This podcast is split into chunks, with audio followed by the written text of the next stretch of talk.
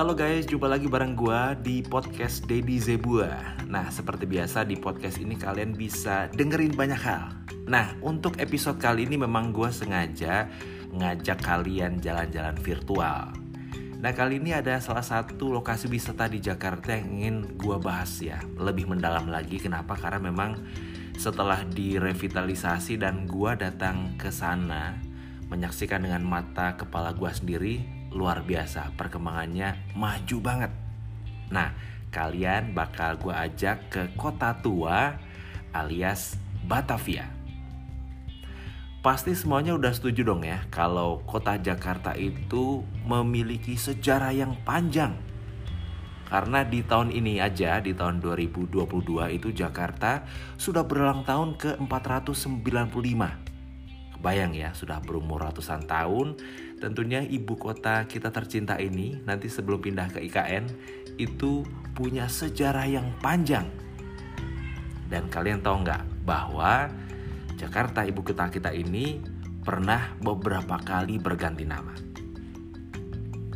Kita awali di tahun 1526 ya. Jadi kawasan ini disebut sebagai Sunda Kelapa karena memang dikaitkan dengan nama sebuah pelabuhan yang ada di kerajaan Hindu Pajajaran. Kemudian berganti lagi namanya menjadi Jayakarta. Nah, di tahun 1619 ketika VOC berhasil menghancurkan Jayakarta, mereka membangun sebuah kota baru yang dinamakan Batavia.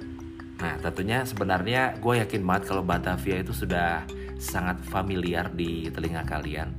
Tapi sebenarnya kalian tahu nggak, Batavia itu punya arti loh. Bener banget, ya Batavia itu artinya adalah Batavieren alias leluhurnya bangsa Belanda. Setelah itu berganti lagi menjadi Jakarta hingga saat ini. Jadi sebenarnya kalau boleh kita lihat ke belakang lagi, kita flashback, Jakarta itu hampir mirip dengan Jakarta ya tapi sekarang sudah berubah lagi menjadi Batavia. Nah, yang menarik perhatian gue adalah di kawasan Kota Tua. Nah, buat warga Jakarta atau Jabodetabek, gue yakin banget sudah pernah namanya yang ke Kota Tua. Karena di kawasan ini, jadi sebenarnya kawasan Kota Tua itu tidak terlalu luas ya, dia cuma sekitar 1,3 hektar dan letaknya itu ada di Pinangsia, Jakarta Barat. Nah, ini adalah Batavia lama atau Old Batavia. Perjalanan virtual kali ini gue mulai ini dari rumah. Nah, di antara kalian siapa yang paling suka naik kereta komuter lain? Karena gue rumahnya di Bogor, jadi gue tuh seneng banget untuk jalan-jalan dengan menggunakan kereta komuter lain. Kenapa? Yang pertama gue nggak suka kena macet ya yang kedua juga gue bisa bersantai menikmati kanan kiri dari KRL pemandangannya kalau kita sedang menuju ke sebuah tempat dan kita nggak perlu capek banget ya untuk uh, bisa sampai ke tempat tujuan daripada naik mobil pribadi. Itu kenapa mobil gue awet di rumah karena jarang dipakai. Nah jadi kalian yang pengen ke kota tua itu gue sarankan untuk naik KRL ya dan lebih-lebih kalau misalnya kalian datang di saat uh, weekend ya. Karena di sana kalian bisa datang saat pagi hari dan menikmati sunrise-nya kota tua. Nah, dari stasiun di dekat rumah gua itu sampai ke stasiun kota itu sekitar satu setengah jam, lumayan jauh ya, karena memang perjalanan dengan menggunakan KRL itu kan dia ada banyak stasiun yang harus berhenti. Dan karena angkutan umum kemudian gue menikmatinya perjalanannya tidak terasa ya. Akhirnya satu setengah jam itu gue sampai di kota tua. Kemudian setelah sampai di stasiun Jakarta Kota itu gue juga sangat terpesona melihat stasiun ini ya.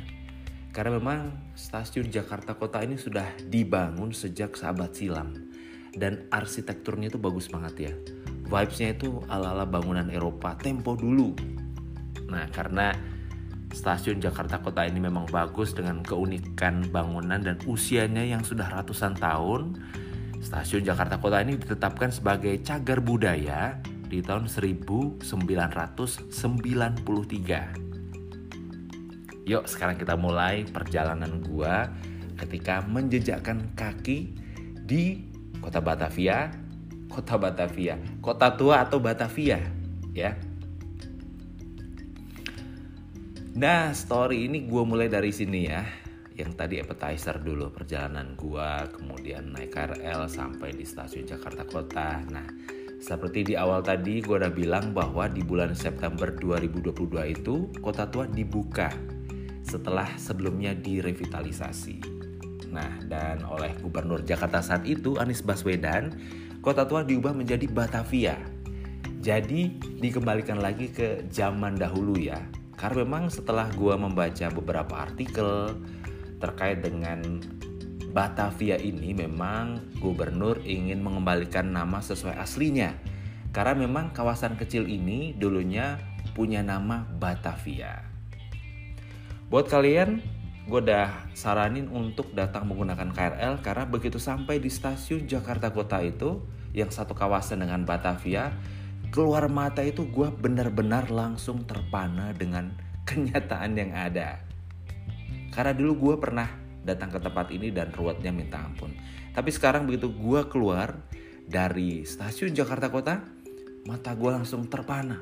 Karena di situ nggak ada lagi yang namanya pedagang kaki lima, angkot dan lain sebagainya yang mengganggu kenyamanan wisatawan. Jadi ketika gue keluar, turun dari tangga, gue langsung bisa memandang jauh ke depan. Dan ternyata memang benar-benar nyata guys hasil dari revitalisasinya. Oh ya, sebelum gue memulai jalan-jalan gue, memang waktu itu gue belum sarapan. Jadi gue mencari sarapan dulu nih di sekitar kawasan Batavia atau Kota Tua karena kebetulan di sana ada beberapa penjual nasi pecel di dekat stasiun. Jadi gue sarapan dulu, isi bensin dulu untuk energi gue jalan-jalan di kawasan ini. Karena memang suasana pagi itu selalu menyenangkan ya. Apalagi buat kita yang suka jalan-jalan, kebetulan gue juga suka lari, jadi bener-bener sinar matahari pagi itu buat gue adalah sesuatu hal yang sangat penting. Nah, ada satu hal yang mencuri perhatian gue saat melihat hasil revitalisasi Batavia. Karena gue itu salfok banget dengan jalur pedestriannya yang luas banget. Atau bisa gue bilang bahwa memang kawasan ini disulap menjadi kawasan pedestrian. Jadi nggak ada lagi tuh jalan yang biasa dipakai motor atau mobil. Dan ternyata setelah gue tanya beberapa orang memang inilah konsep dari Batavia yang dikhususkan untuk wisatawan yang ingin menikmati suasana kolonial dengan berjalan kaki. Serius banget guys, pedestrian ini luas banget dan gue pun gak sabar untuk mulai jalan-jalan. Sepanjang gue berjalan, ternyata banyak juga pesepeda yang berlalu lalang di akhir pekan. Karena ternyata setelah gue lihat lagi, oh ada ya jalur sepedanya mereka bergerombol, kemudian asik minum kopi di pagi hari sambil bercakap-cakap. Ya memang itulah suasana di minggu pagi ya. Kemudian gue melangkah lebih jauh lagi, kemudian gue melihat sekumpulan anak-anak yang sedang bermain tali karet. Jadi boleh dibilang gue agak terkejut karena ternyata masih ada juga ya anak-anak yang bermain tali karet ini. Karena memang zaman gue dulu ada ya permainan tali karet dan sekarang kayaknya anak-anak lebih suka main game di gadget gitu. Jadi ketika gue melihat ada yang main karet, wow, ternyata masih ada juga nih anak-anak yang suka bermain karet. Nah, terus gue melangkah lah itu di pedestrian yang mahal luas itu dan tibalah gue di pusatnya Batavia, yaitu sebuah lapangan luas banget di depan Museum Fatahillah. Kawasan ini berbeda dengan ingatan gue sebelumnya ketika terakhir ke sini. Jadi makin bersih ya guys Terus pedestrian dengan ubin-ubin berwarna abu-abu menghampar luas di kawasan ini. Batavia itu memang disiapkan untuk kawasan rendah emisi. Jadi tidak ada polusi lagi di sini. Apalagi di minggu pagi ya.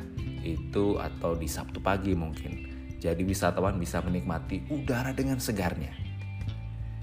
Nah nggak cuma jalan-jalan doang ya, karena misalnya kalau kalian suka dengan wisata sejarah, bisa juga lo melihat koleksi-koleksinya di Museum Fatahillah, kemudian di situ juga ada Museum Seni Rupa, Museum Wayang, dan Museum Bank Indonesia. Itu dalam satu kompleks Batavia. Nah nggak cuma jalan-jalan, Kemudian kalian juga bisa dapat ilmu sejarah aja ya yang bisa kalian ketahui untuk menambah pengetahuan kalian terkait dengan Indonesia dan terkhususnya Batavia. Kemudian setelah gue perhatikan di kawasan ini ternyata ada beberapa monumen ya seperti di depan monumen Fatahillah di depan Museum Fatahillah itu ada namanya Monumen Air Mancur dan letaknya persis di depan Museum Fatahillah. Jadi setelah gue baca dia ada kayak prasastinya gitu. Di abad ke-17 itu penduduk sekitar mencari air bersih di air mancur itu. Tapi sekarang nggak keluar air ya karena hanya difungsikan sebagai monumen. Kemudian juga ada meriam si jagur yang terdapat di lapangan tersebut di pinggirnya yang juga usianya sudah ratusan tahun dari zaman Portugis ya. Kemudian ada juga bekas jalur rem uh, rel tram kuda yang memang digunakan di kawasan ini pada tahun 1869 ya. Jadi rel tram ini dilindungi oleh kaca dan berada tidak jauh dari lokasi meriam si Jagur. Kemudian buat Anda wisatawan yang suka naik sepeda, seperti gue bilang tadi di sana juga ada penyewaan sepeda lengkap dengan topinya, warna-warni lah pokoknya. Jadi tarifnya sekitar Rp20.000 untuk bisa bersepeda di kawasan ini. Dan wara-wara mencok dari sepeda itu memang lebih menyemarakkan suasana di kawasan ini. Kemudian salah satu wisata yang sekarang ini banyak diminati adalah wisata selfie ya. Kayaknya wisatawan tuh di mana-mana harus punya foto tersendiri untuk dapat mengabadikan momennya di suatu tempat. Nah di sini banyak banget nih spot selfie-nya karena memang instagramable banget. Kemudian uniknya di sana juga ada beberapa booth foto dengan berbagai macam karakter. Jadi orang-orang yang berdandan seperti karakter tertentu. Tertentu ya, ada kayak seperti uh, dia berdandan seperti noni Belanda, kemudian pahlawan nasional seperti Bung Tomo dan masih banyak lagi. Jadi dipilih aja kalian suka dengan karakter yang mana. Akhirnya setelah puas menikmati kawasan Batavia dan matahari sudah semakin terik, saatnya gue balik ke rumah lagi ya. Nah, satu konklusi yang ingin gue sampaikan ke kalian, kenapa gue menjalankan kalian untuk datang ke Batavia, karena memang menurut gue ya, menurut gue pribadi itu revitalisasinya patut diacungi jempol, karena ini benar-benar memanjakan wisatawan seperti gue yang gak naik mobil, yang nggak naik motor, gue bener-bener menikmati kawasan pedestrian yang luas. Dan dengan revitalisasi dari Batavia ini, kemudian juga kita bisa menceritakan ini kepada anak cucu kita nanti dan gue juga cerita ke kalian bagaimana kemudian Batavia itu berkembang menjadi sebuah kawasan wisata yang bagus banget. Itu ya guys, jalan-jalan virtualnya. Segitu dulu jalan-jalan kali ini di Batavia. Dan sampai jumpa di jalan-jalan berikutnya hanya di podcast Dedi Zebua. Sampai jumpa.